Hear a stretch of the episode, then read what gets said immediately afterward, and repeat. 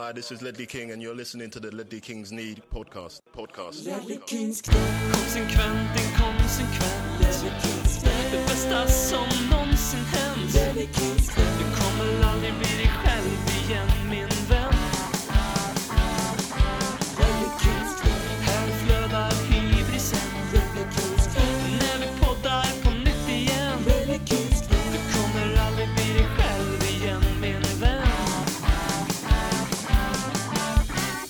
Varmt välkommen till den svenska amatörradioteatern Ledley Kings knä. Den här podcasten handlar om Tottenham Hotspur. Ni vet, eh, jag är så stolt så jag spricker nästan när jag säger det. Uefa Conference League-laget från norra London. Och idag ska vi avhandla Harry Kanes golfrunda med Gary Neville. Självklart vår kommande konferens ute i Europa. Vi ska summera säsongen och vi ska skratta åt topp 6 i vanlig ordning.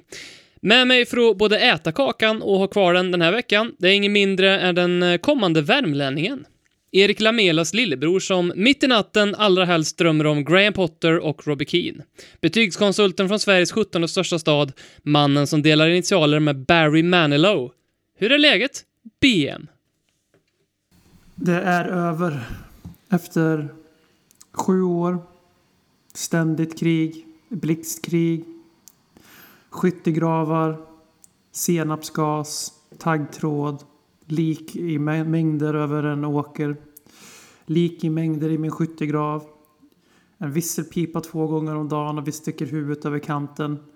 Bara för att se resten av Premier League skjuta med sina maskingevär rakt in på de styckade Tottenham-spelarna och supportrarna. Och när allting var sagt och gjort så fick vi inte Europa Super League. Men vi fick ändå Europa Conference League. Och jag har aldrig haft, genomlevt ett längre år i mitt liv. Och det är bara Du kommer maj. ut med, med dina ransoneringskort. Du kysser alla flickor du möter på stan av ren eufori och glädje. Säsongen med stort S, eller litet s, beroende på hur man vill bygga den här allegor- allegorin, är över. Ja. Ja, hur känns det? Alltså, på ett sätt så kände jag nästan att vi borde fira att säsongen är över som om vi vunnit en titel. Ja, alltså faktiskt. Det, Vi ska... Vi skrev ju lite med varandra. Jag skrev ju sista där efter 70 minuter av matchen mot Leicester. Så skrev jag typ alltså vad fan, jag kommer inte ihåg men mörkt var det. Och sen så blev, det tyst. Och sen efter, efter slutsignal så skrev jag, skrev jag vad fan hände? För vi fick ju ändå avsluta säsongen med lite pepp. Just de sista Ja, men- 10 minuterna var ju ganska kul. Eller hur? Ehm, när Gareth Bale gjorde mål, 3-2 målet, eh, hoppade du också upp och glädjetjöt då? Ja, jag gjorde faktiskt det. Alltså inte... Det var ju inte liksom José Mourinho när han gled på knät i, mot Barcelona. Ut- Men det var någon form av glä, genuin glädje. Jag vet inte om det var för att jag var så glad att vi slutade före Arsenal. Eh, Mm, det Eller var det för för att- mig. eller fick avsluta säsongen med en vinst mot ett topp 10-lag för första gången 2021. Eller om det var just för att Gareth Bale gjorde två mål och därmed fick verkligen sätta dig på potten. Jag har, jag har inte helt 33% var för dem. Nu passar det, Gareth. Nu passar det. Mm, Too little Just det. too late. mm, just det. Och hela den här säsongen har du behövt att folk eh, assisterar dig och göra mål när du hela tiden kunde hitta stolpen istället för att skapa egna assister. Jävla sopa. Kommer det sista matchen. Love Öjen, eh, han skrev till oss, var det inte en makalöst skön känsla att vända en match? Ja. Helt ärligt talat, när hände det sist? Va? Eh, Första matchen med Mason. Sa 15. 1-0, 2-1. Ja, just det. Men det Just det. kändes... Alltså det, det går... Det kändes inte på samma sätt. Nej, där var vi ändå liksom... Vi var ju med i den här matchen också. Det här var så otroligt... Vi brukar inte prata så mycket om matcher som alla redan har sett. Men vi, nu fastnar vi där lite så. Men eh, i den här matchen, vi får ändå två VAR straffar emot oss. Varav en är ju horribel och en eh, får man acceptera att det är straff. Eh, men den andra som vi åker på. Alltså, det, vi, vi släpper inte in något spelmål mot ett lag som går in i omgången på Champions League-plats. Och eh, ganska stor portion av matchen är på Champions League-plats. Vi är inte det bättre laget, men vi var fan inte det sämre laget heller. Och bara genom att man kan avsluta med att hänga fyra strutar på Leicester borta. Eh, Två mål man släpper in, det är straffar varav en är helt horribelt feldömd som sagt. Men vi kan kvitta den med Hansen där även om regeln ganska tydligt säger att det var, helt, att det var regelrätt. Eh, våra 3-2 mål. Men skitsamma, man kan kvitta dem ändå. Och eh, bara den känslan att säga fan vi är bara fem poäng. För nu, nu helt plötsligt kan man tolka säsongen så att vi, är, vi var bara två VAR-beslut ifrån att gå till Champions League. Trots allt. Hade vi liksom kapitulerat och kollapsat som jag trodde efter det tidiga 1-0 målet. Då hade det blivit den här bara, ja vi, må, vi var bara åtta poäng efter. Men vi var också mil ifrån. Vi är ju inte det trots allt. Och man får ju välja glaset halvfullt eller glaset halvtom här. Eh, Antingen så ser man att vi hade en del tur och överpresterade expected goals, expected points och allt sånt där. Vilket matchar min bild av José Mourinhos Tottenham ganska bra. Eller så väljer man att se att trots José Mourinhos yttersta försök att dra ner den här truppen till något mindre än den är. Så är vi ändå så pass nära. Eh, och eh, man får välja bana i livet där. Och jag har inte riktigt bestämt mig än. Det är så mycket som kan, kommer att hända i sommar som avgör vilket, vilket glas jag väljer att dricka ur. Men det, alltså lättnaden efter vi, matchen var slut, vi hade vunnit och säsongen var slut. Alltså det, det kändes som Alltså, jag... det, det har någonting att göra, att, alltså just... På ett sätt satt jag liksom, när Le- Leicester såg som vassast ut och ledde den här matchen, så satt jag och tänkte det är självklart att det blir så här. Arsenal går om, och går om oss i sista omgången.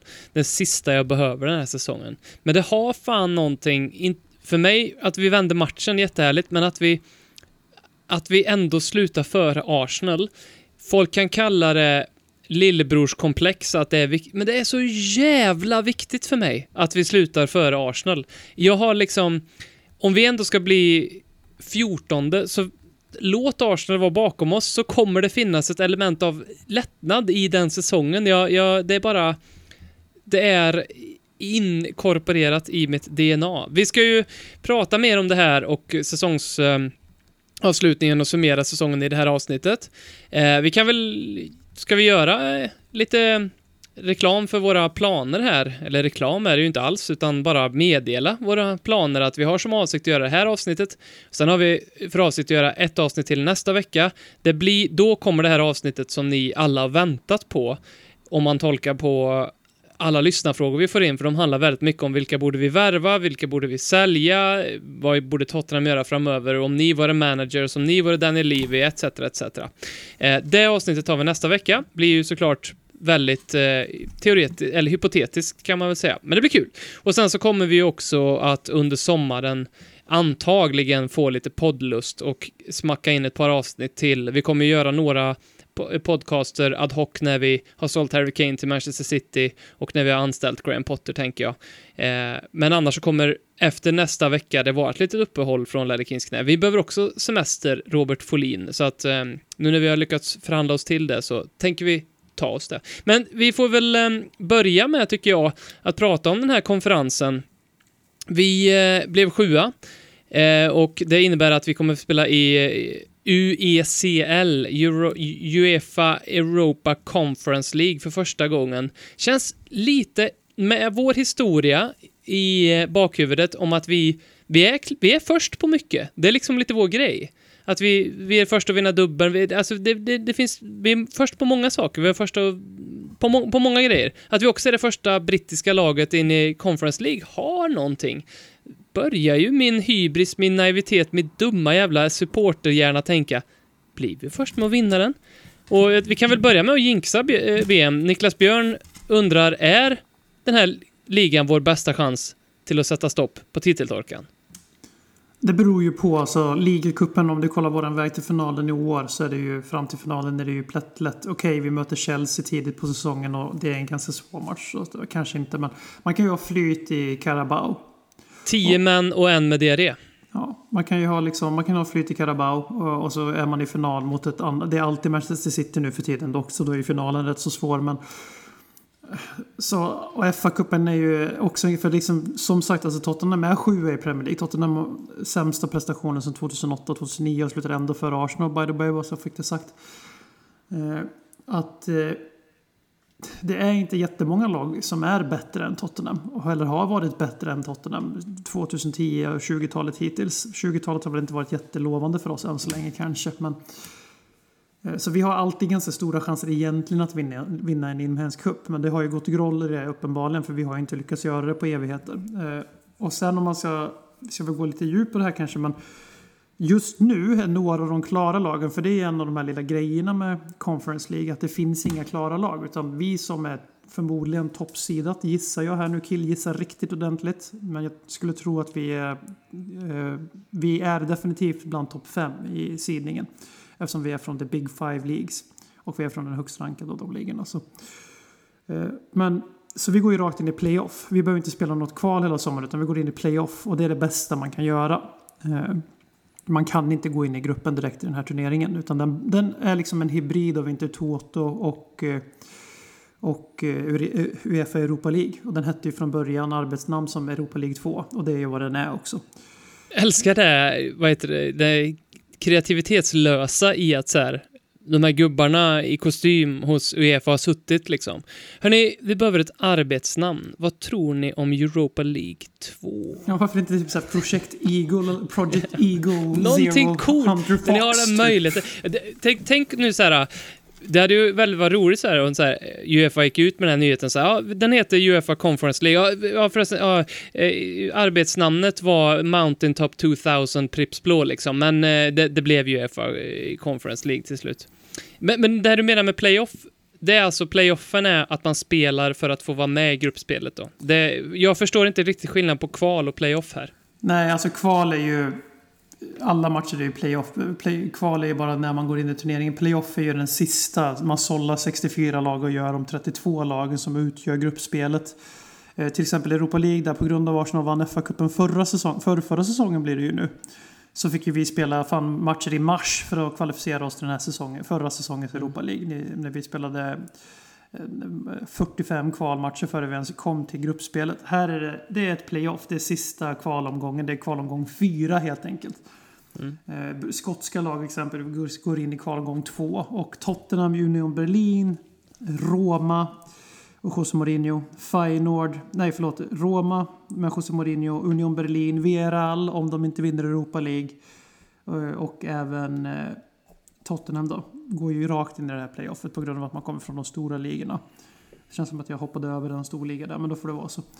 Eh, andra lag som är med i, i turneringen. Det är, alla lag är inte klara. Jag ska förklara alldeles strax varför. Men några lag till då som vi kan stöta på. Sen ska det ju sidas och grejer, så vi kommer inte möta de här först tidigaste gruppen. Men det är, det är ju Anderlecht, Rubin Kazan, Fareira från Portugal och Feyenoord från Nederländerna. Så för mig, om man tittar på det där, nu råkar det vara ett år där Roma gick till semifinal Villarreal eh, och Villarreal gick till final i Europa League. Så då ser man ju inte någon större skillnad på det här och Europa League. Och en av anledningarna till att man inte gör det är för att det som man egentligen har gjort här, att man har ju tagit fram den här turneringen för mindre ligor. Och sen har man tagit bort en Europa League-plats för de storligorna. Och då blir det vid Big Five League som är Frankrike. Där har vi det, det är Rennes från Frankrike, där har vi Big Five-laget jag missade. Eh, så man har tagit bort en plats där från England, Tyskland, Spanien, Italien och Frankrike. Och eh, lagt, eh, lagt ut dem i Conference League istället. Sen är det också ett jäkla trassel här med Europa League 2. Att om man till exempel åker ut i kvalomgång 2 i Europa League. Då får man hoppa rakt in i kvalomgång 3 i Conference League. Och det fortsätter i stort sett hela vägen till slutspelet där man som grupp 2 i Conference League får alltså möta grupptreor i Europa League.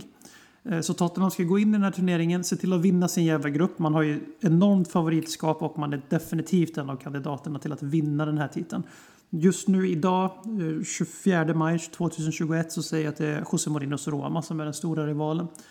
Sen beror ju det Skulle- på vad som händer i de andra turneringarna såklart. Skulle man kunna sammanfatta det här systemet om man vill förstå det bättre med att skiten rinner Robinson. neråt? Ja, skiten rinner neråt och du får andra, tredje chansen i Robinson och Paradise Hotel och alla de andra snuskiga dokusåporna. Eh, Så Tottenham var- ska se ja. till att göra så här. De ska vinna sin grupp efter man har vunnit sitt playoff.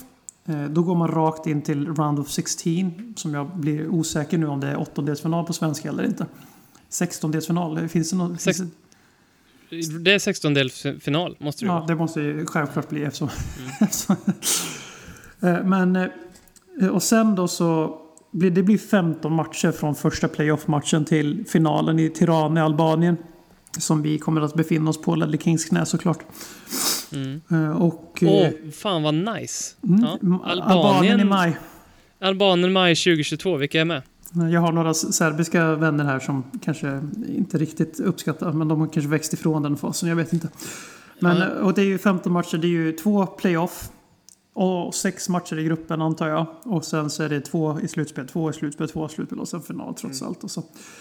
Tottenham ska gå in för att vinna. Jag personligen tror att eh, det här är viktigt för Tottenham. Men en nyttig jävla läropeng för oss att gå in i en turnering där vi kommer vara skyhöga favoriter. Och om vi åker ut någon gång under turneringen, om det inte är så här övertydligt att vi vaskar turneringen som i Europa League under Rednap som du kanske minns. När vi spelade verkligen juni- juniorlaget liksom. Eh, Men om vi, om vi inte gör det övertydligt så är det en turnering vi kan och kanske till och med ska vinna. Beroende på vad som händer i sommar givetvis. Och jag tror det kan vara nyttigt för ja, självklart kan man säga så även när vi spelar i Europa League att vi borde gå längre. Framförallt i år. Vi borde spela final mot Manchester United. Det är inget snack om saken. Vi är ett bättre lag än alla de lagen som har, eh, som har gått till final. Eh, förutom Manchester United skulle jag hävda. På fullaste allvar. Eh, vi har inte presterat som det men på papper är vi det. Och, eh, men där har vi ändå just det här. United kommer in från Champions League. För det skiten rinner ju ner i alla Europa Uefa-tävlingar liksom. Eh, och Arsenal var med från början. Liksom, så där finns det i alla fall helt andra potenta hot. Men, och jag tror att det kan vara nyttigt för våran trupp som inte har den här vinnarvanan. Som har en förmåga att vika ner sig när det gäller som mest. Eh, se ser, ser inte längre än Zagreb den här säsongen för det. Och gå in här med ett favoritskap och lära sig hantera det på ett helt annat sätt. Alltså det här, vi går ju in i den här turneringen ungefär som antingen Liverpool eller City går in i en Premier League-säsong. Eh, det går inte att snacka ifrån. Och jag tror att det kan vara nyttigt och jag tror också samtidigt att man kan bloda Sessignon, Skip. De kan få speltid i gruppspelet. Vi ska slå de här lagen. Alltså, hälften av turneringens lag kommer ju vara men lag som inte är bra nog för Europa League. Och ärligt talat, ja, tabellen säger att vi inte är det. Men om du plockar ut Englands sju bästa klubbar och droppar ner dem i Europa så är ganska många av de sju klubbarna förmodligen topp 20 i Europa skulle jag hävda. Eh, Så att eh, vi ska gå för titeln och vi kommer ändå kunna rotera. Ofta matcherna kommer att spelas på torsdagar precis som Europa League 1. Nice. Så vi får vår härliga torsdag-söndag rotation där som är perfekt när man vill åka och se på fotboll. Det, är det absolut bästa när man är svensk och ska åka till London för fotboll är att vi spelar matcher torsdag och söndag. 108 spelare är det om... Jag har inte faktagranskat detta. Men det är 108 spelare som har lämnat Tottenham och vunnit en titel sedan vi senast vann en titel. Det låter så jävla mycket, eller om det är 108 titlar. Det låter ju i så fall mer rimligt eftersom att till exempel Luka Modric och Gareth Bale har vunnit ett par titlar. Nej, Råkar aldrig vara det är samma 108 titlar. spelare. Det kan ju inte vara ens haft 108 spelare, spelare herregud. på 13 säsonger. Det, är Nej, nej. det är om man räknar med alla så ungdomsspelare och sånt kanske. Jag faktagranskade det här egentligen när jag sa det, eh, Mm. för jag skrev ner det och när jag först sa det, det var då faktakollen kom in. Men jag, skitsamma. Eh, jag har svårt att hålla med de som tycker att den här turneringen är poänglös och värdelös. Egentligen så tycker jag att den åsikten om att den är det bara handlar om snobberi. Vi Tottenham-fans som nu ska spela här, här vi, vi, många tycker att vi förtjänar att vara i en lite bättre europeisk liga. Och självklart är det ekonomiska motiv bakom den här ligan, som allt annat. Men det finns ju också den här aspekten för de lag från ligor som aldrig har spelat Champions League, eller som kommer ha en chans att vara där. Finska ligan, bland annat. Jag, jag har aldrig sett ett finskt lag i Champions League. Det kanske har varit det, men hur ofta händer det liksom? Och det, det kommer ju ge mindre klubbar starkare muskler, vilket alltid kommer att vara bra för fotbollen. Så det är inte bara skiten som kommer rinna neråt, utan det är också det är också Precis. cashen, så att säga. Skit, skiten kommer ju att gödsla gräsmattorna i mindre ligor och mindre klubbar. Men jag, mot, jag, håller, jag håller med där du säger, det är inget motargument mot det du säger, men motargumentet mot Conference League, så här, nobla syfte som det kablas ut av Uefa. Det skulle jag vilja säga, det är ju så här att egentligen så om du, nu, om du tänker nu alla liv, alltså jag rabblar ju upp den där men det är omöjligt att hänga med. Man, det här, man kommer lära sig det på ett par sändningar, det är höst sen när det väl rullar igång. Men i korthet alltså, det är ju liksom en jävla tripp-trapp-trull från Champions League hela vägen ner till Conference League. Vilket gör att lag som till exempel Tottenham, nu blir det ju ännu svårare för oss att inte spela i Europa. Det är ju en bedrift Arsenal lyckas med som missar Europaspel. Eh, med tanke på, för vi kan ta, vi, nu är jag inte helt säker på att det här stämmer, men bara för exemplets skull. Vi säger att eh, fyran Chelsea inte hade haft en direktplats. För ett par år sedan då var det ju playoff för de som blev fyra i Premier League. Vi säger att de hade haft det. De hade torskat det mot, eh, mot eh, Astra Georgie FC eller någonting. Eh, Då hamnar de in i Europa League playoff istället, eller gruppspel. Men de låtsas för att det är playoff. De åker ut i tredje kvalomgången i Champions League. De åker ut i playoff-omgången i Europa League. Då ramlar de in i gruppspelet i Conference League. Alltså det är inte exakt så. Det där var bara ett exempel för att se, illustrera att nu är, alltså de skapar ju absolut en gräsrotsmöjlighet för väldigt mycket mindre ligor och få in lite cash, vilket är viktigt för dem. Men samtidigt har de ju också gjort det ännu mer exklusivt och, och svårare att komma in i de, den finaste av tävlingar. De har gjort Europa League mycket mer sportsligt spännande nu när det är 32 lag istället för 48 på grund av det här. Eh, vilket gör att det kommer att vara svårare att vinna den och sådär. Men samtidigt så gör man, man vet ju att det är ungefär samma 5 till 7 klubbar i Europa. Som, eller i, och i vissa ligor är det fan med mellan 2 till 4 som spelar i Europa 9 av 10 säsonger i snitt. Eh, Och de här kommer ju ha ännu en chans att brygga gapet mellan sig själv och West Ham som är nu är med i år, så är ett dåligt exempel. Men Arsenal har ändå 24, 25 år i rad med Europa som West Ham inte har att stoltsera med. Nu tror jag att det är Tottenham som har den finaste sträckan där med 15 på senaste 16. Jag är osäker men jag tror att det kan vara så. Eh, Så ja, det, det går att se det på båda och. Jag väljer att se det som att jag är ganska van att se Tottenham spela två matcher i veckan och jag tror på riktigt att jag skulle få lite abstinens av att bara se oss en gång i veckan. Vilket kan vara konstigt att säga med tanke på den här poddens inledning. Eh, men Europacuper för mig, det är någonting magiskt. Liksom det är just, just bara tanken av att vi kan dras mot ett norskt lag och dra och hälsa på Mårten i, i Norge och se på Tottenham Away. Eller att vi kan, stå, vi kan vara i Albanien i maj, slutet av maj nästa år. Och, och få stryk. och få stryk mot eh, Roma i finalen.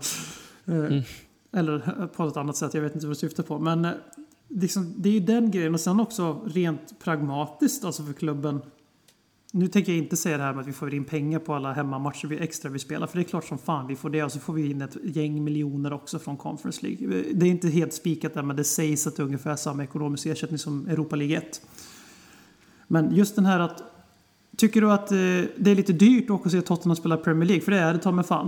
Eh, det, är fan. Det är billigare med flyg och hotell i stort sett än en matchbiljett. Eh, viss, viss salt på det är det såklart. Eh, det är inte jättestor skillnad dock om man är tidigt ute med flyget och hotellet. Och inte har jättehög standard. Men eh, åka och se på de här matcherna. Om, om Livi vill ha åtminstone över 50% eh, betäckning på arenan då kommer han behöva sälja biljetterna ganska billigt. Och då kanske det är ganska många människor i världen och London framför allt som har råd att se sina tot första Tottenham-matcher live. För att eh, en familj kanske kan lägga ut 100 pund för att alla ska gå och inte 100 pund per skalle. Eh, Så sådana grejer också. Fotbollen blir lite mer tillgänglig genom att vara med i den här turneringen. Och vi har ju inte vunnit ett skit på 13 år så vi ska ju åka dit, vi ska vinna den här turneringen. Sen kan vi börja se ner på det. Mm. Ja, men det, i slutändan är det ju mer matcher på Tottenham Hotspur Stadium kommer ge mer utrymme i lön och transferbudget. Tyvärr. Ja, Sen så, är- kommer det inte är vara... ju se- tyvärr, liksom det. Ja, det kommer inte vara 60 000 på läktarna när eh, Vi möter Elfsborg Slask- i, i... slasktorsk, brax, torsk från Transylvanien kommer. Nej, Nej, men det eller är inte Elfsborg. Europa League heller. Så. Nej, nej. Men, och sen så liksom snobberiet. Det, fotboll är ju i över 38 matcher i alla fall mer eller mindre rättvist. Så vi har inget annat att... Vi kan inte säga att vi hör hemma någon annanstans för att nu, nu, ham, nu blev vi sjua. Och sucker up liksom. Och sen så tror jag att det här är också en liten diskussion om, för att storklubbarna tycker att det är slitsamt att, att resa mycket. Jag har sett att en del Arsenal-fans skrev efter igår Åh, vad skönt, nu, nu får spelarna vila lite mer nästa säsong. Men, men det finns ju inget Arsenal-fan som hade sagt Åh nej, vi, vi, vi klarade Champions League, för, ah, fan, då blir det lite extra mycket resa. Och, så, och kanske är det så att det blir någon timme, några timmar extra flyg i, i konferensligan. För att det är längre resor. Men, men jag köper inte att det blir en så pass påtaglig effekt. Um, Alltså den här as- argumentet om att det blir en extra veckomatch och mer resande, det kommer ju bara när det handlar om allt annat än Champions League liksom. Och sen spelarperspektivet, spelare vill spela i större turneringar. Ja men bra, dra och gör det då. Om du inte är intresserad eller, gör bättre ifrån er i ligaspelet. Ja, om du inte är intresserad av vad vi som klubb och lag ska ås åstadkomma här tillsammans, så, så dra. Jag, jag vill inte ha en spelare som spelar 38 matcher för oss och sen bara, nej, jag vill spela en större europeisk liga nästa säsong. Ja, okej, dra då. Hej då. Så att, eh, nej. Men du, jag måste avsluta med en liten quiz här. Ehm, den här scorade ju Håkman lite drygt hälften på sist vi körde.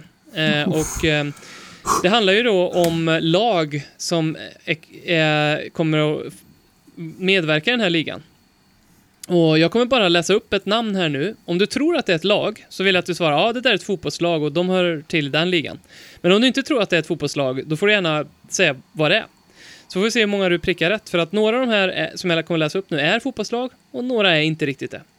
Och jag hoppas att jag har alla fel. Torpedo Zidino. Torpedo City, det är ett fotbollslag. Vilken liga? Bulgarien. Du är nära, det är ju rätt färger. Vitryska ligan. Bra, ett rätt. Tog det på Torpedo. Sumgajit. Det där lät ju bara som ett ord, så jag chansar att det där är någon form av sjukdom. De eh, spelar i azerbajdzjanska ligan. Jaha, jag bara Zoomgagit. Jag bara aha. Sumgajit. Ja, med reservation för mitt uttal. Kappe Idokopas. Jag kan säga, det, på tal om ditt förra uttal. Alltså om det är någon som kommer in och poli, alltså språkpolisar den, alltså all respekt i världen till dig som kan, Ja. kan det. Uh, ursäkta Ja, på sak men- på den här. Kaffe de kokas. Nej, nej, nej, nej. Kap, kap eller Kappe Idokopas. Café de copas. Det låter som en spansk, eh, någonting annat än ett fotbollslag. Spansk någonting annat. Jag säger det är en spansk kaffedrink. Nej, det är Vladimir Putins sommarresidens. Så att eh, det är inte eh, ett fotbollslag som ska spela, så det har du ju rätt i. Det är två poäng till B. Eh, Czeslaw Milos. Czeslaw Milos. Mm. Det låter inte heller som ett lag, för Milos låter inte som, här, det låter som att det betyder bollklubb eller fotbollklubb. Utan det låter mer som ett alltså, förnamn. Från, till exempel en av mina serbiska vänner jag refererade förut. Han heter Milos i efternamn. Mhm, Eh, Så att jag, jag väljer att säga igen att det inte är ett fotbollslag. Utan att det här är min eh, bekantas farfars far som stred i de oroliga krigen på Balkan strax inför och under första världskrigets upptakt. Ja, du är inte helt långt ifrån det. Det är en polack som vann Nobelpriset i litteratur 1980. Okej, nästa. Pogon Szczecin.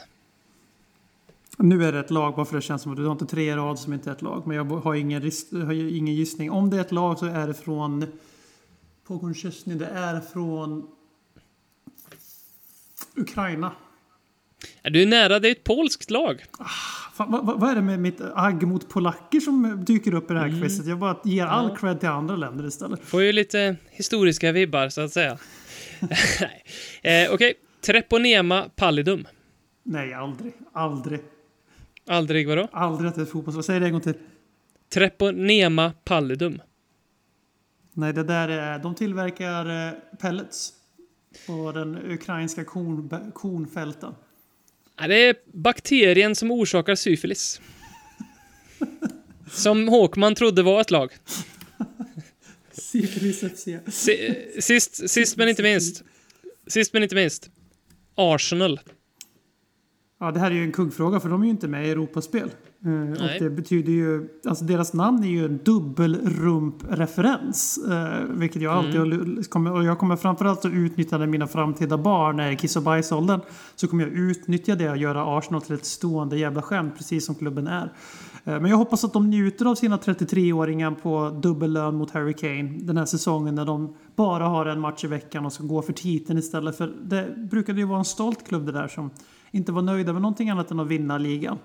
Eh, Och nu är de nöjda att de inte får spela i Europa för då tror de att de får en sportslig fördel för att komma före oss i kampen om sjunde platsen. För de vann ju faktiskt den här trofén om åttonde platsen. Så grattis Arsenal, you used to be a football club. Nej, det är ett belgiskt elektropopband som har gjort låtar som The Rise and Fall, Digging a Hole och Fear of Heights. Kolla upp det får du se. Eh, Koppling även till Arsenal-klubben för de har ju också uppenbarligen en fear of sportsliga highs. Verkligen. Digging a Hole och The Rise and Fall. Ja, men du, du, det här, du tar dig ut med värdighet i det här, eh, måste jag säga. Ja, jag slog väl Håkman tror jag. Så det... Ja, ja. Långa poddar, långa poddar, långa poddar om Spurs. Vi summerar eh, säsongen lite, tänker jag. Eh, och jag har... Hur vill du göra det här? Ska jag läsa upp ett par höjdpunkter och lågpunkter och så får vi se vad som kommer ur din eh, tombola? Eller eh, vill, du, vill du ranta? Eh, vad känner du? Nej, vi, vi, vi, kör, vi börjar med din grej därför att vi, det är ingen som orkar sitta och lyssna på när vi dissekerar den här säsongen i detalj. Alla har, varit, alla, alla har genomlidit den nog. Mm. Se ifall du kan hitta... Jag har delat upp det i eh, tre punkter här då. Lågpunkter, höjdpunkter och sen nyförvärven som jag tänkte vi kunde bara blåsa igenom fort. Har de blivit lyckade eller inte? Och sen i nästa veckas podd så avhandlar vi snarare kommer Gareth Bale vara kvar nästa säsong? Jada jada. Behöver vi köpa en ny vänsterback för att Sergio Leon, bara gillar att spela Fifa i sin bil och lite sådana saker. Okej. Okay. Ehm, Dinamo Zagreb. Största lågpunkten på säsongen. Har man någonsin tyckt att det varit mer pinsamt att hålla på Tottenham än när vi förlorar 3 All respekt till Dinamo Zagreb, men hundra gånger av hundra så ska ju det laget som vi ställer upp där vinna den matchen. Så är det ju.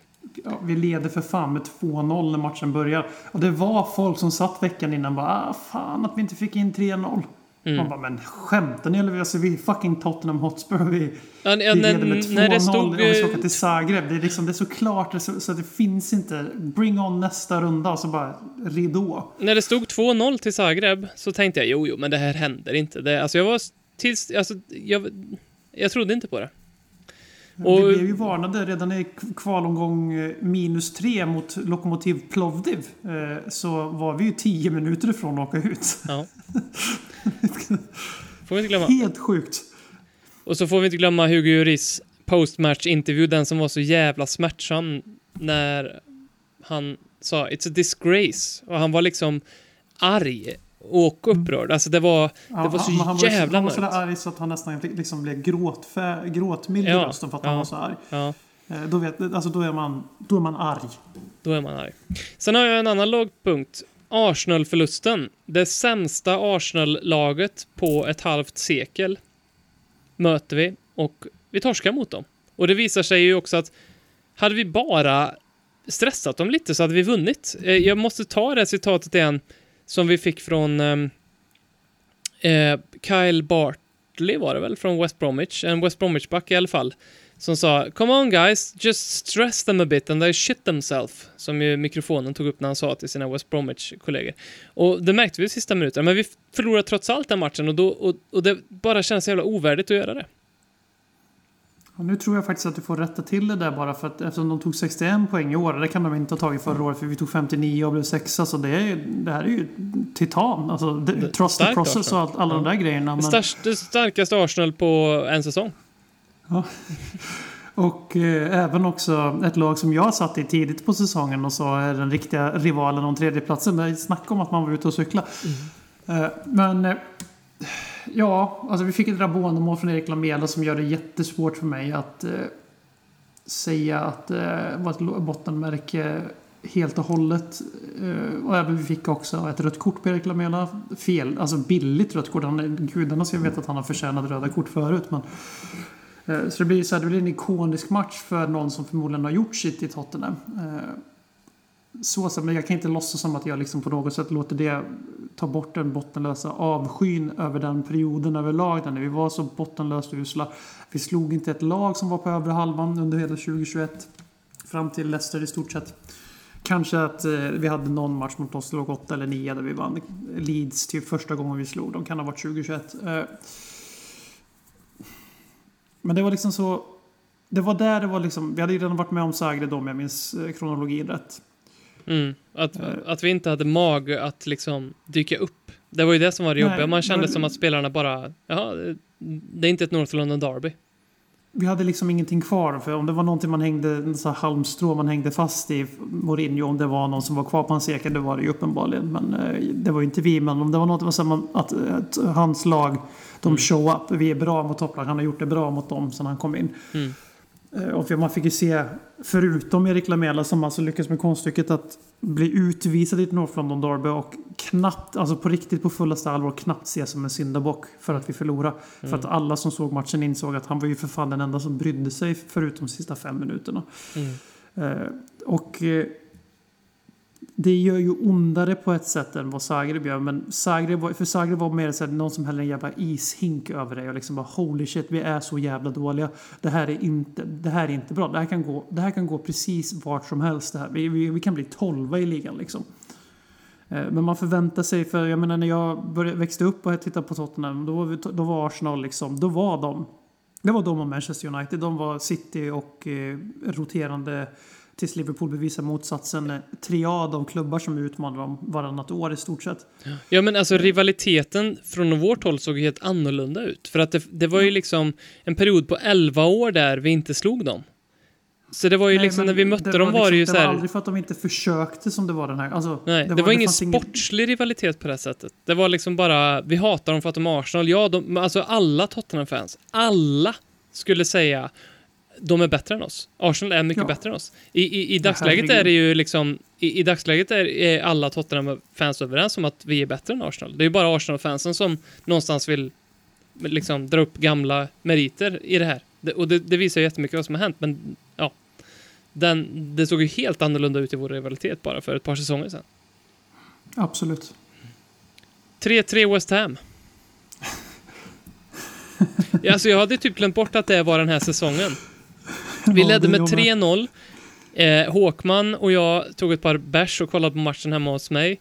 Och eh, Håkman sa saker som ah, kanske inte är så dumt med Mourinho ändå. Och, ehm, jag sa typ någonting om att ja, men, det kan nog bli rätt bra säsong det här. Sen så blev det 3-3.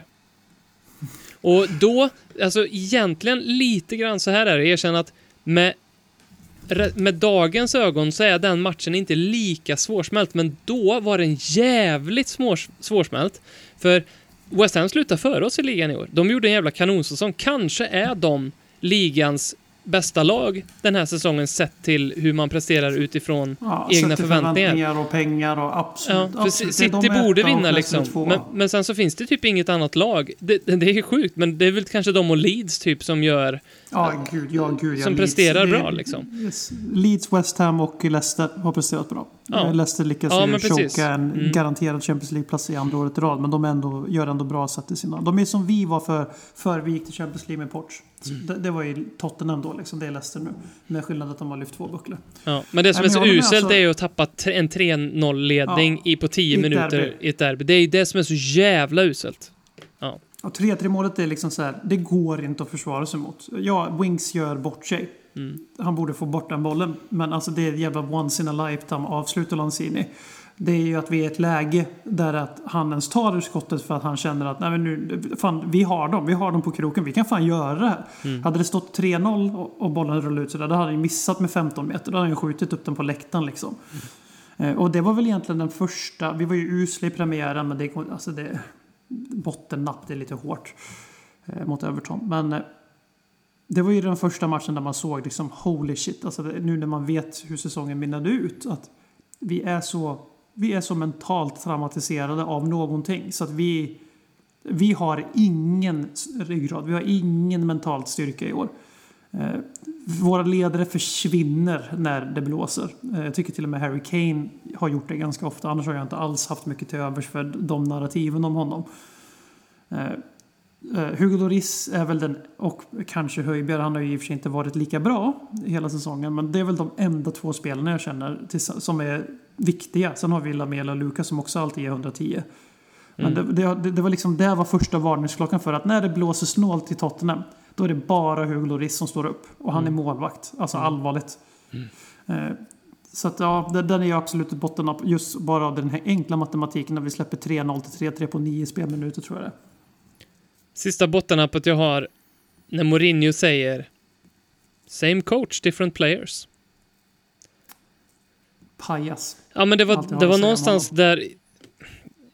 Jag har ju, från det att José Mourinho anställdes, jag fick ju också som alla andra en sån här, åh nej, vad fan är det som håller på att hända? Inte fan kan vi köra med José Mourinho, men jag, jag tänkte ändå, nej, men jag, jag tänker inte liksom stå här och, och vara helt överlycklig och tro att allt kommer bli skitbra och jag, mm, på samma sätt som jag inte tänker stå, här och säga att allt kommer bli piss, utan jag tänker, jag tänker, jag tänker okej, vi vi ger en chans, får se vad han gör faktiskt.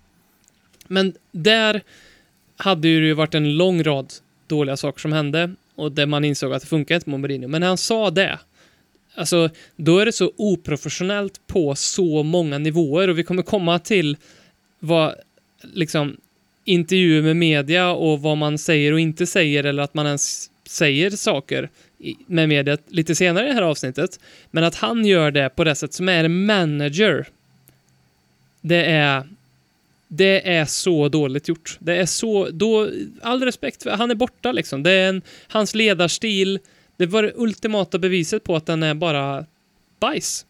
Och, och tyvärr Roma, vilken jävla hög med bajs ni fått. Så är det. Absolut. Eh, höjdpunkter då, och vi kan väl stanna kvar där med bajs. Höjdpunkten att Eric Dyer bajsar under match och vi, vi vinner trots detta mot Chelsea och slår ut dem i kuppen. Då mådde man ju bra. Och då, vi roterar också ganska mycket och Ja. det, Chelsea hade inte, roterar inte alls lika mycket som oss. Eh, Lamela frälser, eh, aldrig fel för mig. Eh, Lamela har trots väldigt lite speltid, han har ju knappt varit skadad den här säsongen. Han har bara spelat 35 matcher och typ 13 och 12 från start, något sånt där. Men han har ändå lyckats kvittera ett Chelsea-derby och eh, göra en Rabone i North London Derby. Så han avslutar ändå snyggt på ett sätt. Definitivt en höjdpunkt. Eh, alltid fint att slå Chelsea. Det är väl typ den enda gången vi gjorde det den här säsongen också. Så det enda gången vi hade en chans mot dem. Och vi vann på straffar också. Det känns lite så här karma Också efter bra. Bayern München-finalen. En annan höjdpunkt, Arsenal-vinsten. Sticker inte ut jättemycket, men hemma 2-1. Jo, Ah, december 2020. Vilken jävla månad det var. Eller fram till vi mötte Liverpool i alla fall.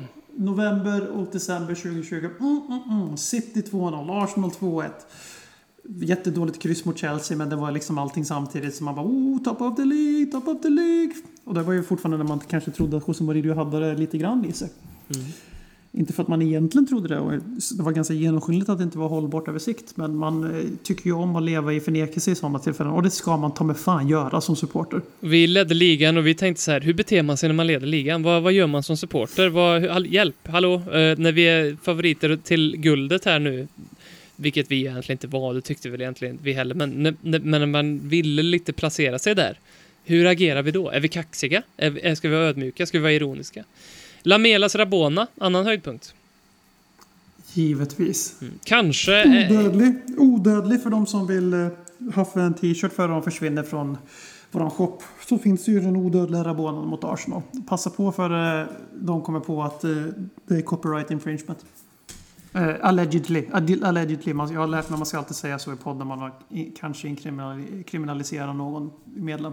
Mhm. Spännande. Annan höjdpunkt. När vi spelade en Europa League-match mot ett lag som jag glömt bort vilka det var. Jag tror det var Plovdiv.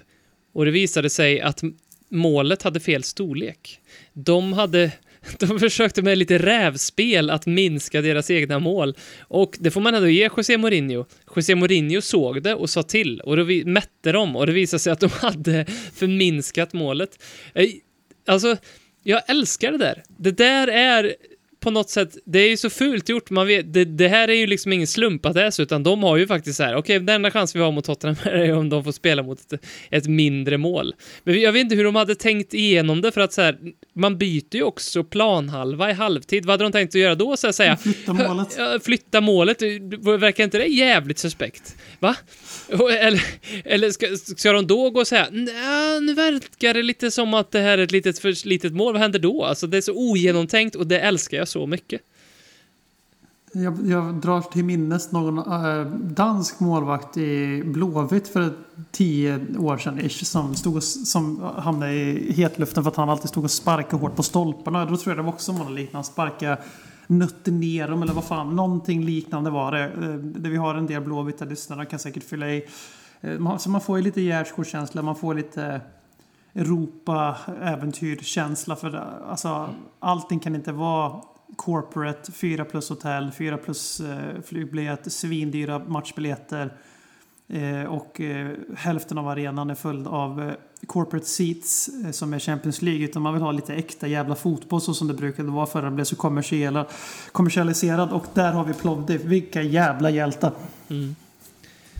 Marine, också en höjdpunkt. Eh, att bara liksom de här bilderna från den matchen när folk står i sina trädgårdar och skålar i champagne och tittar på matchen och det finns någon bild på som är tagen på José Mourinho kanske världens mest framgångsrika manager, i alla fall i modern tid, som sitter på en bänk och, och bara ovanför så står det en, en snubbe från sin trädgård och tittar på en match genom ett staket. Alltså, återigen, det är fotboll, det är så jävla fint.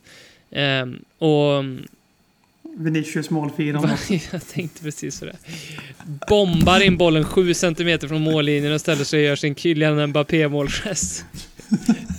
Som vi ju vet nu är en hyllning till hans avlidna mor. Så det finns en väldigt fin, väldigt, det är väldigt fint detta. Det, det, det gör det ändå bara roligare i det här sammanhanget. det, ja, den bilden. Man kommer aldrig glömma det där på något vis. Och de fina, fina, fina Marine. Sen så måste vi avsluta med, veckan vi, hade, vi ledde ligan hade jag ju också med här då, men den har vi pratat om. Men Kanes säsong får vi ändå, vi ska komma till den där jävla gubben snart, men eh, vilken jävla... Hur i helvete kunde inte han bli player of the year? Vad är det för... Alltså det är samma tölpbeteende som det jag ser nu, att så här... Varför plockar man inte ut Kevin De Bruyne i årets lag? Ja, men anledningen till att man inte gör det, det är för att man, man har på något sätt vant sig vid att han är så jävla bra, så att man letar inte efter honom när man tänker vilka har varit... Man, man letar efter sensationen, så man tar ut istället Mason Mount eller någon annan mittfältare som har varit så här Fick bra. inte Phil Foden mer röster än både, han, Ja, alltså, både Kane och De Bruyne? Alltså, men så liksom, vad fan, alltså. slut. Alltså Kevin De Bruyne är över. Det är antagligen Kevin De Bruyne eller Harry Kane som är bäst i den här ligan. Och om, om det, alltså ge dem det jävla priset. Sluta leta efter sensationen. Trött på det. Men det är lite, vi kan ju koppla till Tottenham. Var det, inte, det här var ju första säsongen på flera år som Harry Kane vann Player of the Year. Och det är ju bara för att man har högre förväntningar på honom. För att han är ju våran Player of I the Year. Tottenham, ja. Mm. Ja, för, alltså förutom varje säsong. Alltså någon enstaka säsong det kanske någon Häng min son som vann förra säsongen. Nej? Jo? Ja. Ja. Och förra säsongen kan jag ändå köpa att det blir så. För då var de mycket jämnare i prestation och Kane hade skadefrånvaro och sådär. Mm. Att det är sån också i och för sig. Men den här säsongen, han vinner skytteligan i Premier League. För tredje gången. Han vinner assistligan i Premier League. eh, För första gången. Han vinner poängligan i Premier League. Han vinner alla jävla tre själv. Han gör det i ett lag som slutar sjua. Mm. Och man ska på riktigt säga att en jävla 50 miljoners pund mittback i Manchester City som har vunnit typ sex av senaste nio Premier League-bucklorna. Mm. Och eh, prenumerera på Carling Cup och prenumerera på fa. Ja, Den här, han, jag, jag tror jag läste den, så jag, jag tänker inte faktakolla det här, men alltså jag tror att jag läste någonstans att de släppte in typ fem mål mindre den här säsongen än vad de gjorde förra säsongen. Och han Wow. ses på fullaste allvar som att han är viktigare för Manchester fucking City. Som kan rulla ut en startelva mot Chelsea som man knappt reagerar på att den inte är ordinarie. Eh, Förutom De Bruyne, typ. Och eh, han anses vara viktigare för sin klubb och en bättre enskild fotbollsspelare än Harry Kane. Ja, och Alltså, det är ett Kevin De skämt. Bruyne. Det är ett skämt Ja, båda två. Yes, han är inte ens den bästa spelaren i sitt jävla lag. Liksom. Det, det här är ett lag som har köpt Nathan Ake för typ minst lika mycket och bänka. Alltså det finns inget annat lag i hela världen som kan köpa en mittback för typ 50-60 miljoner pund eller vad Nathan Ake kostar och bänka han för att han inte är tillräckligt bra. Det finns ingen klubb som kan göra det. Och då vill man ju... Nej, nej. Det, alltså det, det är ett skämt och det är på, grund av det du säger. Det är också för att han är engelsman, spelar i Tottenham och landslagskapten. Eh, samma kapten som de gör allt i sin jävla makt för att tvinga till ett Manchester United eller Manchester City. Men det är ju främst United de vill ha honom i eftersom att ha, hälften av mediakåren är, har, har en koppling till den klubben. Jag pratar om Sky. Eh, jag pratar om eh, eh, hånet det är mot Tottenham. Man behöver se det här hela tiden. Samma jävla dårar eh, ser inte till att Harry Kane vinner spelare av Player of the Year i Premier League. Mm. Ett skämt. Kommer till den intervjun snart. Vi måste bara avsluta med eh, nyförvärven. Har vi gjort det? Är, finns det något nyförvärv som har överträffat förväntningarna? Finns det något nyförvärv? Ja, det finns ju flera som inte har... Matt Doherty har ju varit en, ett, en fiasko. Eh, med det sagt så tror jag faktiskt att Matt Doherty faktiskt kan ha en bra säsong. Men överlag, vad, hur ratear du våra nyförvärv? Gareth Bale, Sergio Reguilon, Pierre-Elmin Höjbjerg, Carlos Vinicius och Matt Doherty då. Alltså, när den här säsongen började, när, när vi hade signat Bale, då satt ju vi faktiskt här ärligt talat och sa det här är den bästa truppen vi någonsin har haft. Det känns ju det så det jävla fortfarande. Och det, är ju, det, det känns ju jävla konstigt då med facit i hand hur det här har blivit. Men, Alltså, gre- grejen är att den är, där och då var det rätt spaning. Eh, vi kunde inte veta att eh, alla de här spelarna inte skulle höja och vi kunde inte heller veta att förfallet vi har sett på andra spelare var permanent. Man trodde ju att det var, det var ju första riktiga dippen säsongen innan med Pochettino fick sparken. Alltså ja, vi var dåliga halvåret innan också när vi hade 12 gubbar friska och gick till Champions League-final och tog 70 poäng och blev fyra liksom. Det går inte att jämföra, det är ni, ni, ni, nivåer liksom. Uh, uppenbarligen så hade vi fel om många spelare. Men det går inte att komma ifrån att det här är en väldigt bra trupp. Eh, Ryan Mason, typ definitionen av en eh, vikarie, idrottsvikarie i alla filmer och serier som finns om amerikanska high school och det är rätt många. Eh, han kommer in och vinner fyra, löser fyra av sex segrar liksom. Det är klart att det är en bra trupp. sen är det ju väldigt enkelt att säga att det är ingen av nyförvärven förvärven som har överträffat förväntningarna. Vinicius Junior har definitivt motsvarat förväntningarna. Höjberg överträffade dem med råge Du envisas med att kalla honom Vinicius Junior, som han ju inte heter. Men det är mm. kanske tredje veckan i rad han heter det här nu. Det, och är... han, han, får, han får fortsätta heta det. Det är kanske jag som var någon sån freudiansk grej att vi ska värva Vinicius Junior. Jag vet inte ens om jag skulle vilja ha honom. Mm. Men Carlos Vinicius Senior då. Eh, han eh, han har ju motsvarat förväntningarna. Han har gjort ganska många poäng med sett i speltid. Han fick ju aldrig en chans att göra någonting i Premier League. Ja, och så, samtidigt så är det så här, där man hade velat det och hade sett honom mer. Och det är väl ett bra betyg för honom. Det är väl ja. bara en, snarare en, en, fråga om, om, om, om taktik på det sättet. För det, det, är klart att han inte kan peta Harry Kane liksom. V vem kan det, helt ärligt talat? Men däremot så hade vi kanske haft en manager som gillade 4-4-2. Då hade vi kanske sett han med, typ. Så. Sen Bale har gjort det bra sett till Eh, förväntningarna går inte att säga för att vissa hade ju skyhöga förväntningar. Trodde att han skulle vara liksom Bale som han var för när han lämnade i stort sett. Och det är han ju inte. Alltså han har inte det kvar. Men killen gör 11 Premier League-mål. Han gör 13 poäng i Premier League på 10 starter, 20 matcher tror jag det Han gör 16 mål alla turneringar. Eh, och säkert några assist till. Alltså det är ju... Det är fantastisk valuta på de här 12,5 miljonerna som det kostar i lön. Eh, Perfekt truppspelare. Han är ju liksom det som man vill att Lamela och Lukas ska vara. Att man vill att de ska vara poängspelare från bänken och det har vi ju ingen i Tottenham förutom Gareth Bale. Sen är det ju också att han är en lyx. För att han kan inte spela två matcher i veckan. Han kan inte göra jättestort väsen av sig mot högpressande, bättre lag.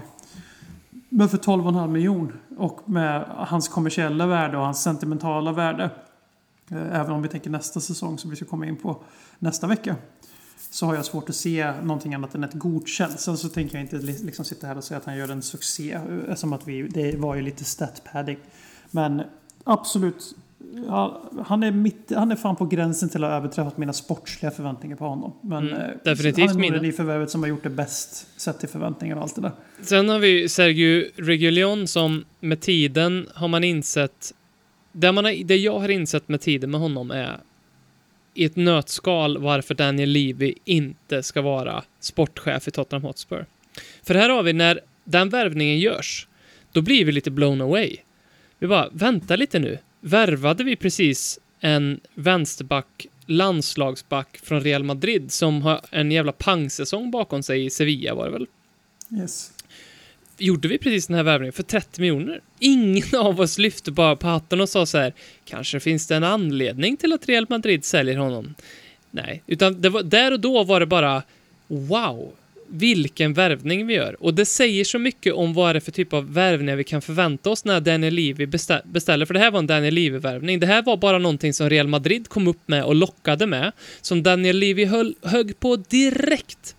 Jag kan lova er att det finns inte en scoutrapport skriven på honom på liksom José Mourinhos skrivbord innan dess, utan där är det bara Daniel Levy som ringer och säger att du, jag har en skitbra vänsterback här, det är från vi, vi, jag har redan skrivit på. Och det säger så mycket om hur outtänkt det är. Titta på Leicester när de värvar Fofana, Ndidi, Ricardo Pereira, det är Castani. Det är spelare som kommer in och verkligen förbättrar laget. Det är inga wow-spelare på det här sättet, men de blir det när deras lag blir så pass bra. Den typen av scouting har vi inte i Tottenham.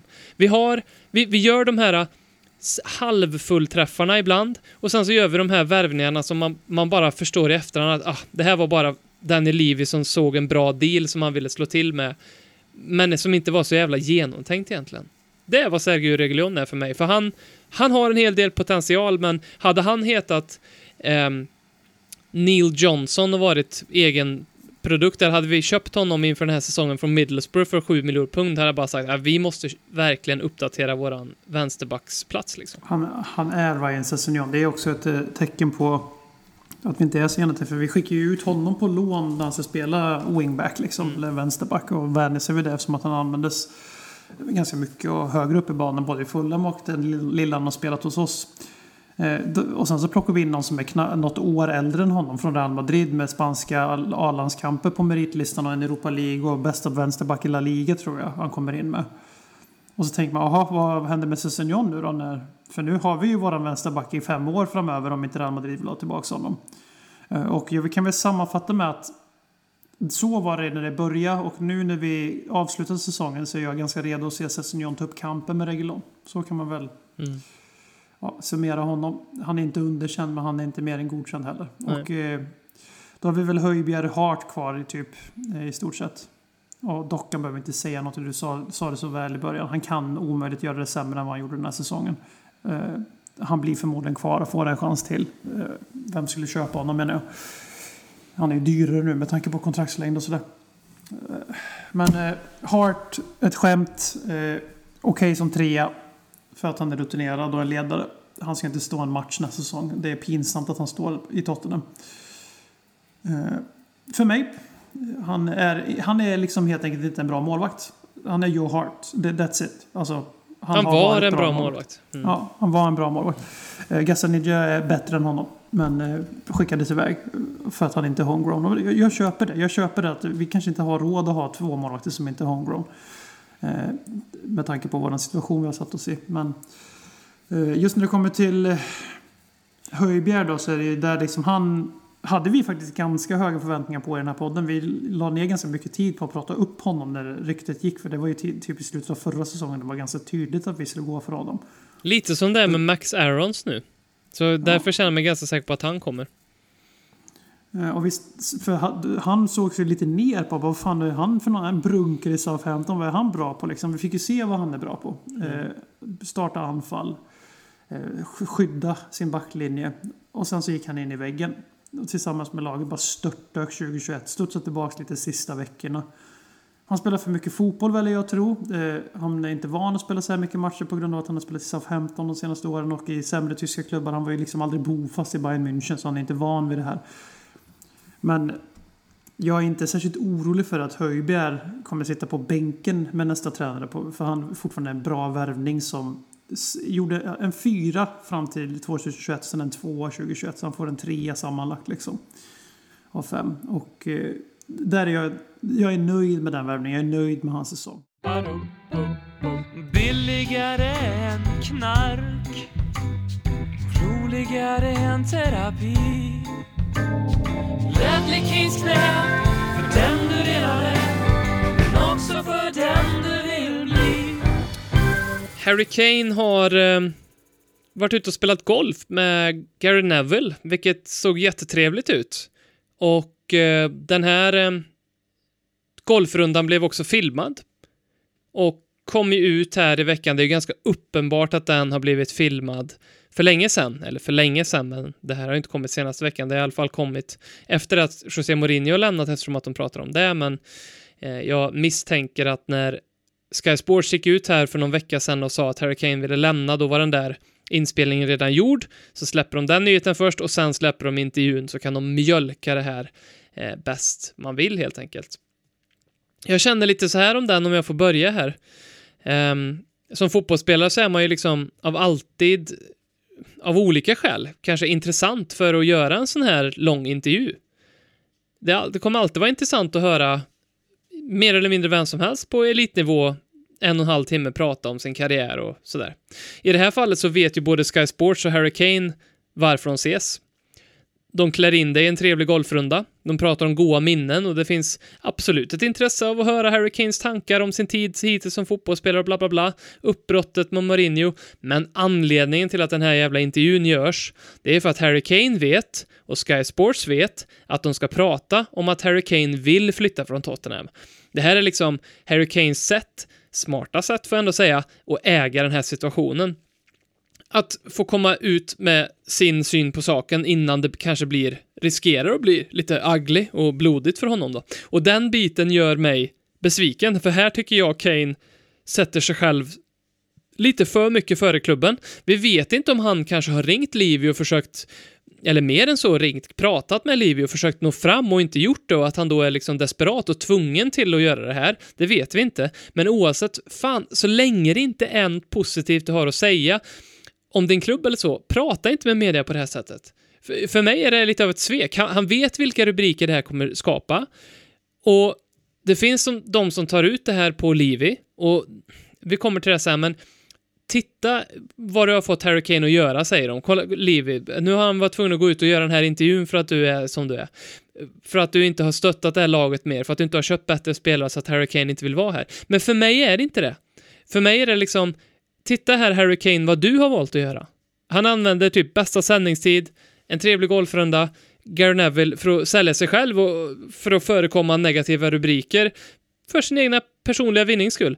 Jag förstår varför han gör det, men jag kommer aldrig att respektera att man går ut och gör det på det här sättet än när, när man vet att ens egna fans kommer se det, man vet att sina kollegor i klubben, sina spelarkamrater kommer se det och att det kommer att skada klubben.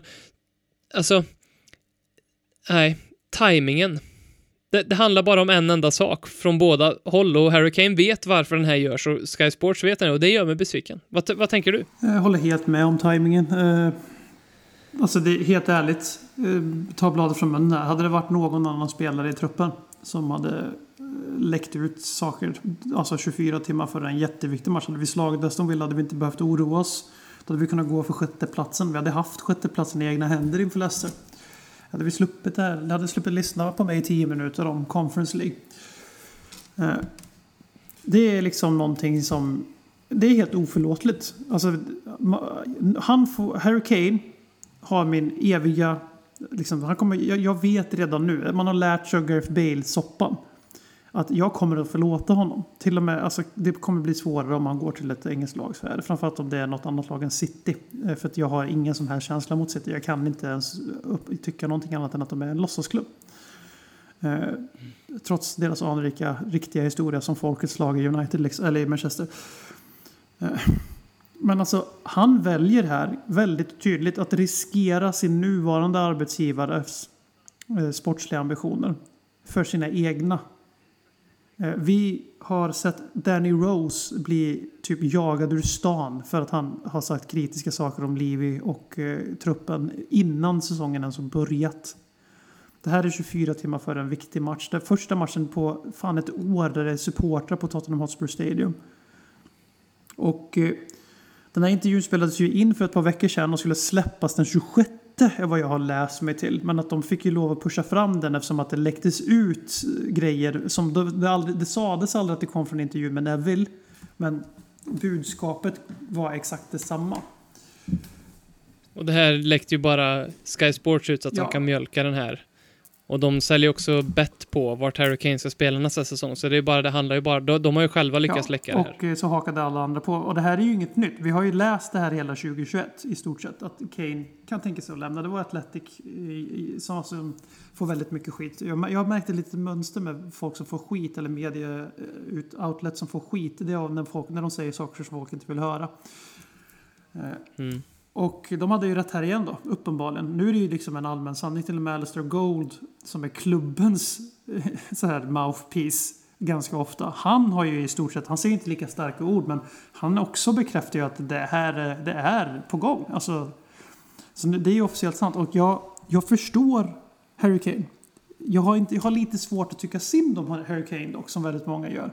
Jag kan förstå frustrationen mot Daniel Levy och det här att fan, nu är den sista positiva saken vi hade kvar från Pochettino-eran. Nu vill han också bort. Och han är en av oss och han har gjort den långa vägen. Han var så här meme-människa som kom fram. Alltså, ingen trodde att han var på riktigt förrän andra gången han gjorde det liksom. Men det betyder inte att det Harry Kane gör, det ska, att han inte ska få någon form av backlash för det. Att vi ska bara svälja det för att vi ska vara tacksamma. Alltså Harry Kane spelade i en av världens tio största klubbar ekonomiskt. Harry Kane spelade i det bästa Tottenham som inte har funnits i modern tid. Harry Kane har ju spelat sex semifinaler, tre finaler och varit i Champions League fem säsonger. Harry Kane har glömt bort vilken klubb han kom upp i. Och Harry Kane, tyvärr, och det är det här som är ondast, Harry Kane verkar tro själv att han är större än Tottenham Hotspur just nu. Precis som Gareth Bale gjorde 2013 och precis som Luka Modric gjorde 2011. Och Berbatov och Keane innan det. Och skillnaden där och då är att alla de här sakerna jag sa att Harry Kane har fått uppleva i Tottenham. Det hade ingen av de spelarna fått uppleva. Eh, Och han, Mm. han är inte ett offer och han, det är så synd om honom att han, inte, han får aldrig vinna någonting i Tottenham. Harry Kane är medskyldig till att vi inte har vunnit någonting i Tottenham. Det är Harry Kane som har- har tvingat sig tillbaka in i en startelva förmodligen, det vet vi ju givetvis inte. I en Champions League-final. För att han är Harry Kane. Och jag förstod beslutet då och jag förstår det idag. Men vi måste, om vi någonsin ska bli en seriös klubb som, alltså som, frågan är om vi vill vara det. Frågan är om vi inte vill fortsätta vara så här självskadande och nedvärderande mot oss själva. För jag tycker det är hälsosammare än de här alltså City-supporterna som det tydligen finns. De är bland det värsta jag har varit med om. Snacka om att liksom då alla som är på City som inte har gjort det i 20-30 år. De har ju uppenbarligen liksom växt upp med både silversked och guldsked i munnen. Men skitsamma, det var ett sidospår. Eh, att vi tar, vi tar Jag- jag kan- Kanes parti mot klubben för att det är synd om Harry Kane. Jag är ledsen men jag hejar på Tottenham Hotspur och Tottenham Hotspurs bästa går alltid före spelarens bästa om det inte handlar om liv, sjukdom och död. Harry Kane Ja. Stannar kvar i Tottenham tills vi är nöjda med budet vi får. Harry Kane stannar kvar i Tottenham till 2024 ta mig fan om det behövs. Harry Kane har ingen makt här mer än vad media försöker ge honom och vad vissa av våra egna fans... Alltså, jag har sett Tottenham-supportrar, jag skulle kunna tro att de är på Arsenal. När de beskriver hur synd det är om Harry Kane. Släpp det för fan. Han har gjort bort sig här. Han ska få skit. Och den elev i senare skede, absolut. De har all rätt i världen, fotbollsspelare, att göra den här typen Absolut. av intervjun. Och, men det jag kan liksom ifrågasätta är varför väljer du att göra det nu, Harry? Alltså varför? För jag förstår, eller anledningen och svaret på den frågan är antagligen för att han vill, som jag började med att säga, förekomma the shitstorm. Han vill måla upp sig själv, i, liksom göra sig lite mer sympatisk, så lyckas till viss del att så här, nej men vet du vad, jag känner nog att jag faktiskt är redo för en ny utmaning och det där så här. Vilket är en jättelegitim Absolut. känsla. Men lös det med klubben först. Och inse att det här är inte liksom som det ser ut i arbetsgiv där man faktiskt kan säga upp sig. Det, det, du tillhör en värld där du tjänar så här mycket, men det kommer också med baksidan att Tottenham faktiskt kan säga, vet du vad Harry, du får lämna, men det är för den här pengen, det är vi som bestämmer, vi, vi som äter de här pengarna och det här kontraktet, så suck it up. Och med det kan han också välja hur han hanterar. Det kanske är jättejobbigt då att motivera sig till att spela för Tottenham och tacka nej till de här intervjuerna och pengarna. Men det är rätt sak att göra. Det är fel sak att göra och ge sig ut på den där golfbana med Gary Neville. Det hade varit snyggt om man gjorde det och sen så fort de här frågorna kom upp så här, nej vet du vad Gary, det här vill jag inte prata om av respekt för min klubb och jag kommer alltid vara lojal till Tottenham så länge jag är kvar här. Jag vill inte prata om det. Mitt, mitt fokus är Tottenham. Snyggt, men det är ju inte det han säger. Det sipp, även om han inte ordagrant säger jag vill lämna, så sipprar det jättetydligt igenom. Och han säger ju också, ja, ja, men ganska direkta saker, att nu är det värt att ha den här diskussionen. I den här äh, en timme och 15 minuter långa intervjun, när jag inser att Harry Kane har hybrisen som är jävligt oklädsam och som vi allvarligt talat måste se för vad den är, det är när han slår ett slag Gary Neville går fram, de spelar ju alltså golf, ni som inte sett det. Han slår ett slag med drivern. Det går ju långt jävla bra slag. Han får mycket komplimanger från Gary Neville och alla där så här, bra slag liksom. Och Gary Neville kommer fram och säger så här, fan jag tror du slog den där typ 400 yard. Och Harry Kane säger helt seriöst, ja men det kan nog stämma, det var nog inte så långt ifrån det. Då står den lilla caddien där bakom och säger iskallt direkt här, det var 80 yard. det är så jävla fin scen för att visa hans hybris. Nej men som sagt, Ja. så man måste klara av, eller man måste, man får tycka vad fan man vill. Jag tänker att man kan klara av att ha två tankar i huvudet här. Man kan förstå Harry Kanes vilja för någonting nytt. Han har lagt 16 år i Tottenham. Eh, vi är på väg åt fel håll. Den här sommaren kommer inte magiskt bara lösa. Det spelar ingen roll vem vi tar in som tränare. Alltså det, det skulle till något, eh, nästan till ett mirakel för att vi ska bara flyga upp och bli en seriös titelaspirant redan nästa säsong. För Tottenham, för, så, markera väl nu. För Tottenham så är det nog alltså, väldigt sekundärt hur bra det går nästa säsong. Det viktiga är att vi, man får tillbaka fansen, som, att fansen tror och älskar sin klubb igen. Att man tror på klubben, man ser en framtid, man ser ett identitet. Man kanske skiter i de här jävla tabellplaceringarna som man blivit helt fixerad vid. Och bara, fan, det här, jag, jag står bakom det här, jag, jag identifierar mig med det här. Det här är någonting jag tror och vill på, vill ska ske. Eh, och det är viktigare än vad Harry Kane vill just nu, punkt. Och om det betyder att det är rätt läge att sälja honom nu, det är Daniel Levis beslut. Och där har vi den andra delen vi måste klara av. Man får respektera, till och med, eller får, man kan respektera det Harry Kane säger. Man kan förstå det Harry Kane säger. Och nu har han, inte- han har inte sagt rakt ut att han vill lämna, utan det han sa var att det är dags att ha en konversation. Och det, går, det är svårt att tolka på, någonting annat, på ett något annat sätt om man adderar alla läckor som säger att han är desperate to leave och alla de här grejerna. Det är svårt att tolka på något annat sätt. Även om Gary Neville själv började backtracka lite igår faktiskt, när vi spelar in det här avsnittet, alltså söndags. För er. Men det här är ju så långt jag tror han är beredd att gå. Eh, han väljer att ta ut det på Tottenhams säsongsavslutning. Och det är fel. Alltså man kan förstå och respektera Harry Kanes vilja att testa någonting nytt. Och samtidigt säga det var fel gjort, det var olojalt, det var illojalt gjort av dig. Du skadade din klubb. För din egen vinning. Och när, när spelare har gjort det förut har de blivit brännmärkta.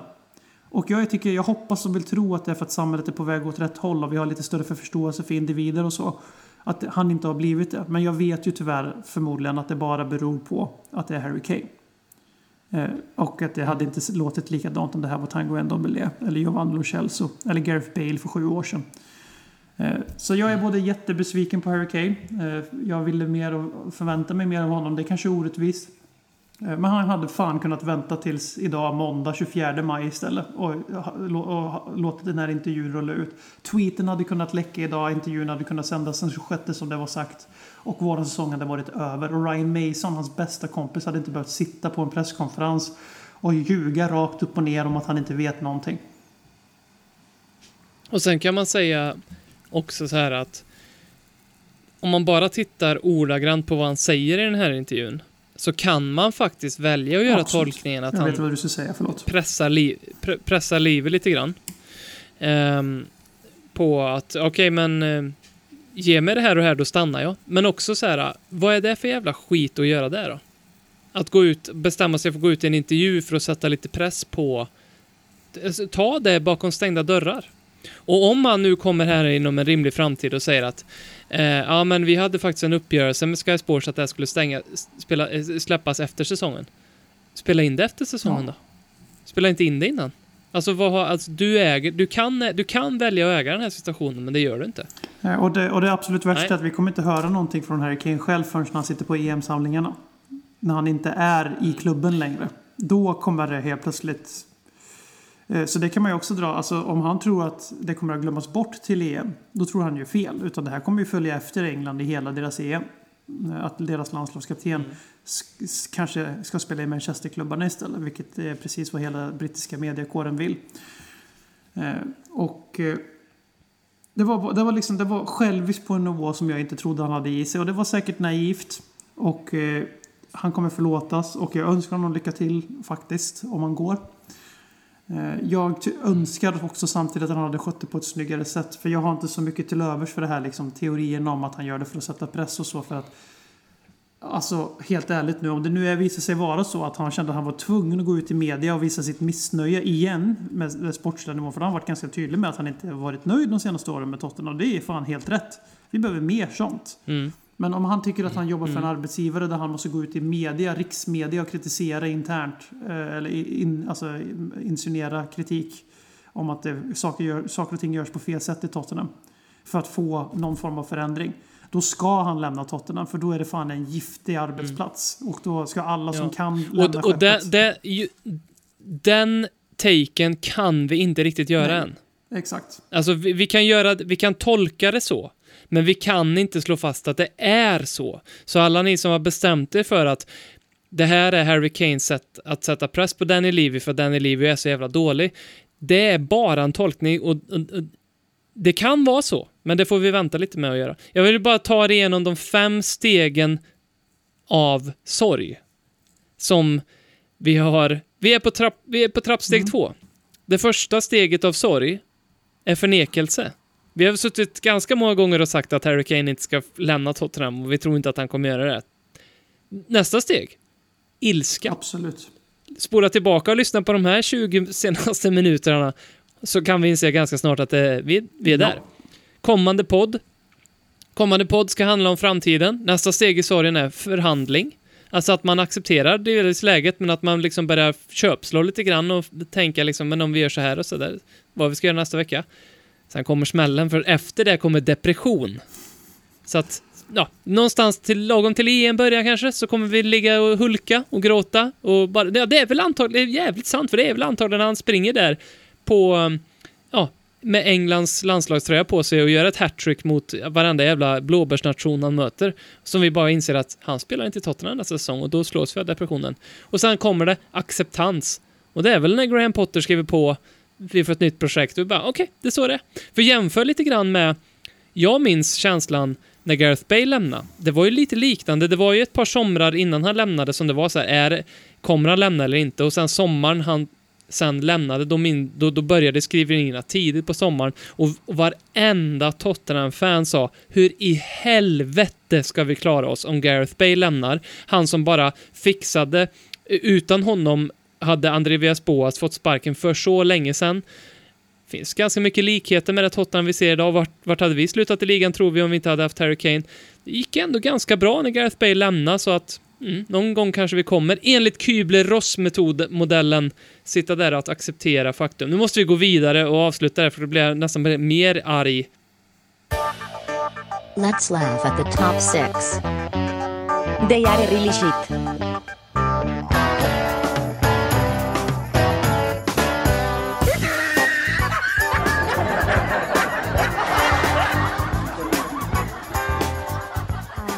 Kane, har vi något på skratta åt topp 6-segmentet eller ska vi bara skratta åt oss själva eller? Ja, alltså vi kan ju skratta åt mycket. Eh, Arsenal, det har vi redan gjort hela avsnittet. Leicester. Eh, ärligt talat, alltså vi säger att Tottenham är bottlers. Jag vet inte vad är, vad är Leicester i sådana fall. Eh, ja, de vann en FA Cup. Grattis till dem. Eh, de hade hellre spelat i Champions League nästa säsong. Eh, tyvärr är fotbollen sån. Eh, jag har inte så mycket att skratta åt egentligen, för har inte, det har inte varit den typen av säsong. Eh, man kan väl skratta lite åt sig själv som supporter för att man låter en fotbollssäsong och en fotbollsklubb göra så här med en. För den här säsongen har verkligen påverkat mitt, e- alltså mitt mående på riktigt. Och då menar inte att jag har varit deprimerad eller så, men jag har haft så mycket frustration inom mig. Som absolut säkert kan särledas en hel del till pandemin och förutsättningar utan min kontroll. Men jag tror ärligt talat att 80% av frustrationen jag känner har att göra med att Tottenham är så... Och det är inte att det inte går så bra sportligt, för det är inte det viktigaste för mig. Det är att jag har inte känt igen mig i Tottenham sedan Mauricio Pochettino fick sparken.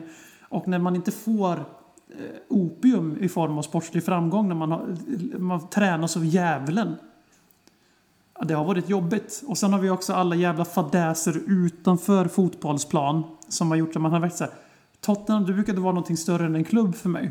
Du brukade betyda mer. Det brukade this means more. Det är bara vi i Tottenham som kan säga så.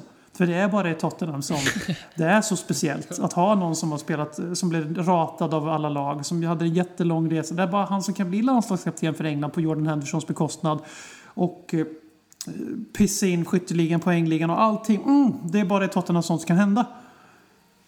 Och den bilden dog den här säsongen. För jag bara, vi är en smutsig jävla storklubb. Precis som de här topp 6-klubbarna vi har ett segment åt, ett skratt åt. Vi är fan precis lika illa själva. Och det var det Europa Super League gjorde med mig. Och det är en av de jobbigaste saker jag genomlett som Tottenham-supporter. Tvåa på den listan är José Mourinho. Trea på den listan är fotboll utan publik ett och ett halvt år och det råkade hända samtidigt. Så det, det har varit tufft att vara Tottenham-supporter jag ser fram emot att vända blad. Så därför skrattar jag åt mig själv så låter en klubb i än 17 göra det här med mig. Väldigt fint tycker jag. Bra segment. Eh, vi, nu kan vi avsluta med lite lyssnarfrågor, lite lättsammare, lite uppstuds. Tack så mycket. Ni kan ju skicka lyssnarfrågor till oss via Twitter eller Instagram.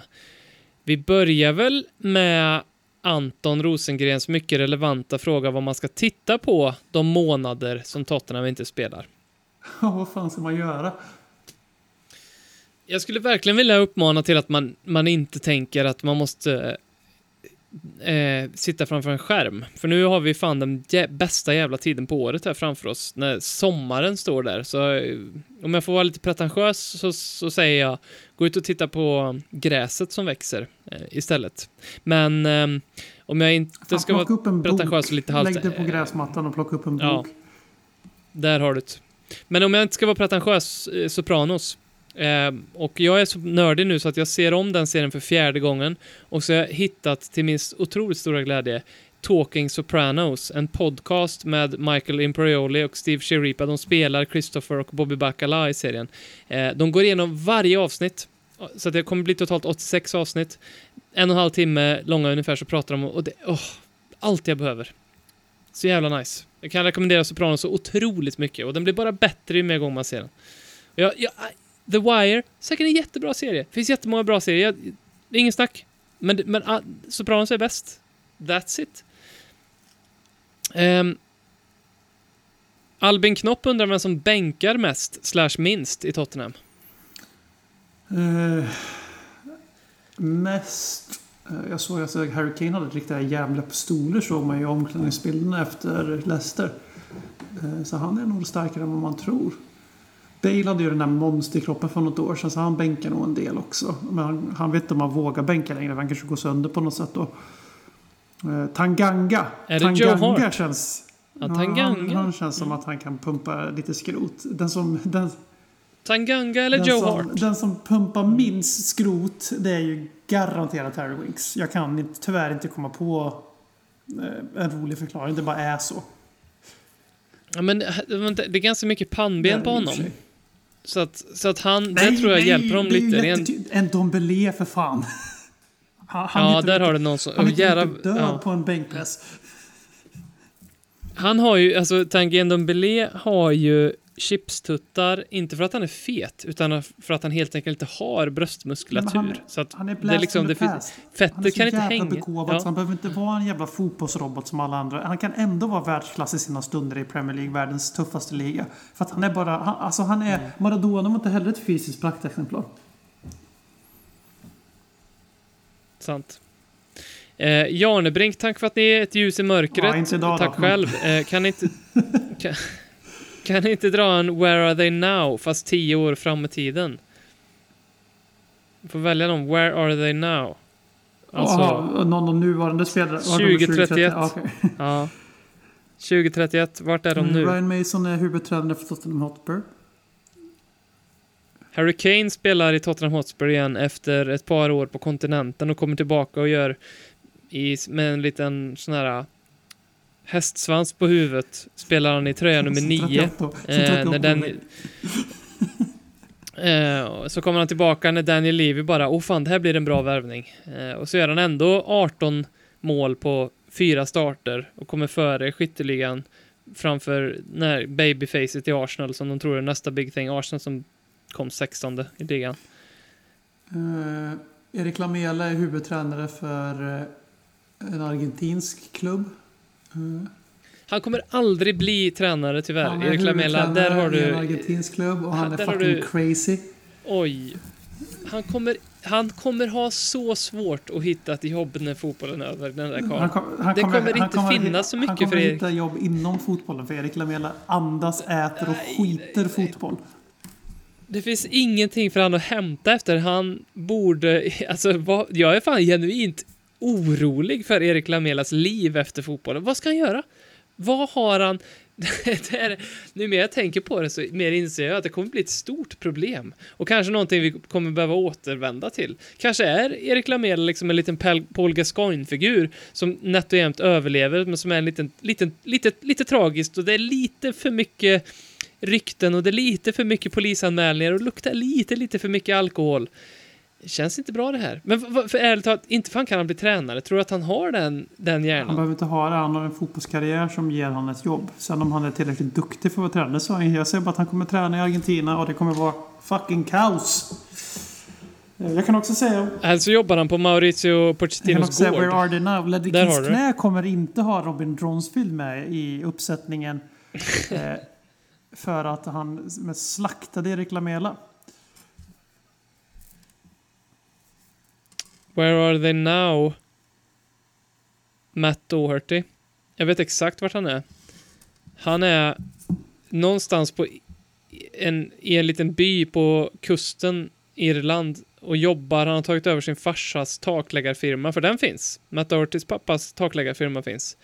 Den har han tagit över och eh, han pratar med den lokala brudarna och gubbarna på puben om att en gång i tiden spelade han i Tottenham Hotspur och de bara tittar på honom så här. Ja, okej. Skulle du lägga familjen Jones tak imorgon eller? Så kommer det gå för Matt Doherty. Vi får väl eh, sätta punkt där innan det här blir alldeles för långt tror jag. Um, och tacka för uh, ännu en vecka med Ledley Kings knä. Och ännu en vecka har vi framför oss. Där vi nästa avsnitt då ska bli lite mer hypotetiska, en hel jävla timme. Alla ni som vecka ut och vecka in skickar lyssnarfrågan vilka borde vi värva? Det är eran julafton nästa vecka, så lyssnar ni inte då, då, då vet det fan vilka ni är egentligen. Så får jag väl ändå säga. Eh, så det ska vi prata om. Vilka ska vi sälja? Vad ska vi göra med klubben?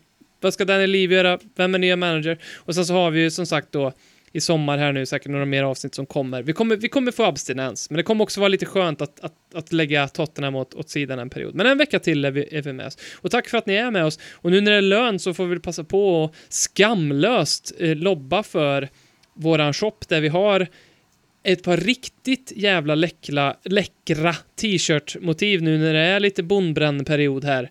Så passa på att eh, glassa ute i solen med, med Lelle Kings knä. Eh, så blir vi glada i alla fall. Tack för att ni är med oss och tack B. Vi hörs. Hej! Konsekvent, inkonsekvent Det bästa som någonsin hänt Du kommer aldrig bli dig själv igen min vän Här flödar hybrisen när vi poddar på nytt igen. Du kommer aldrig bli dig själv igen min.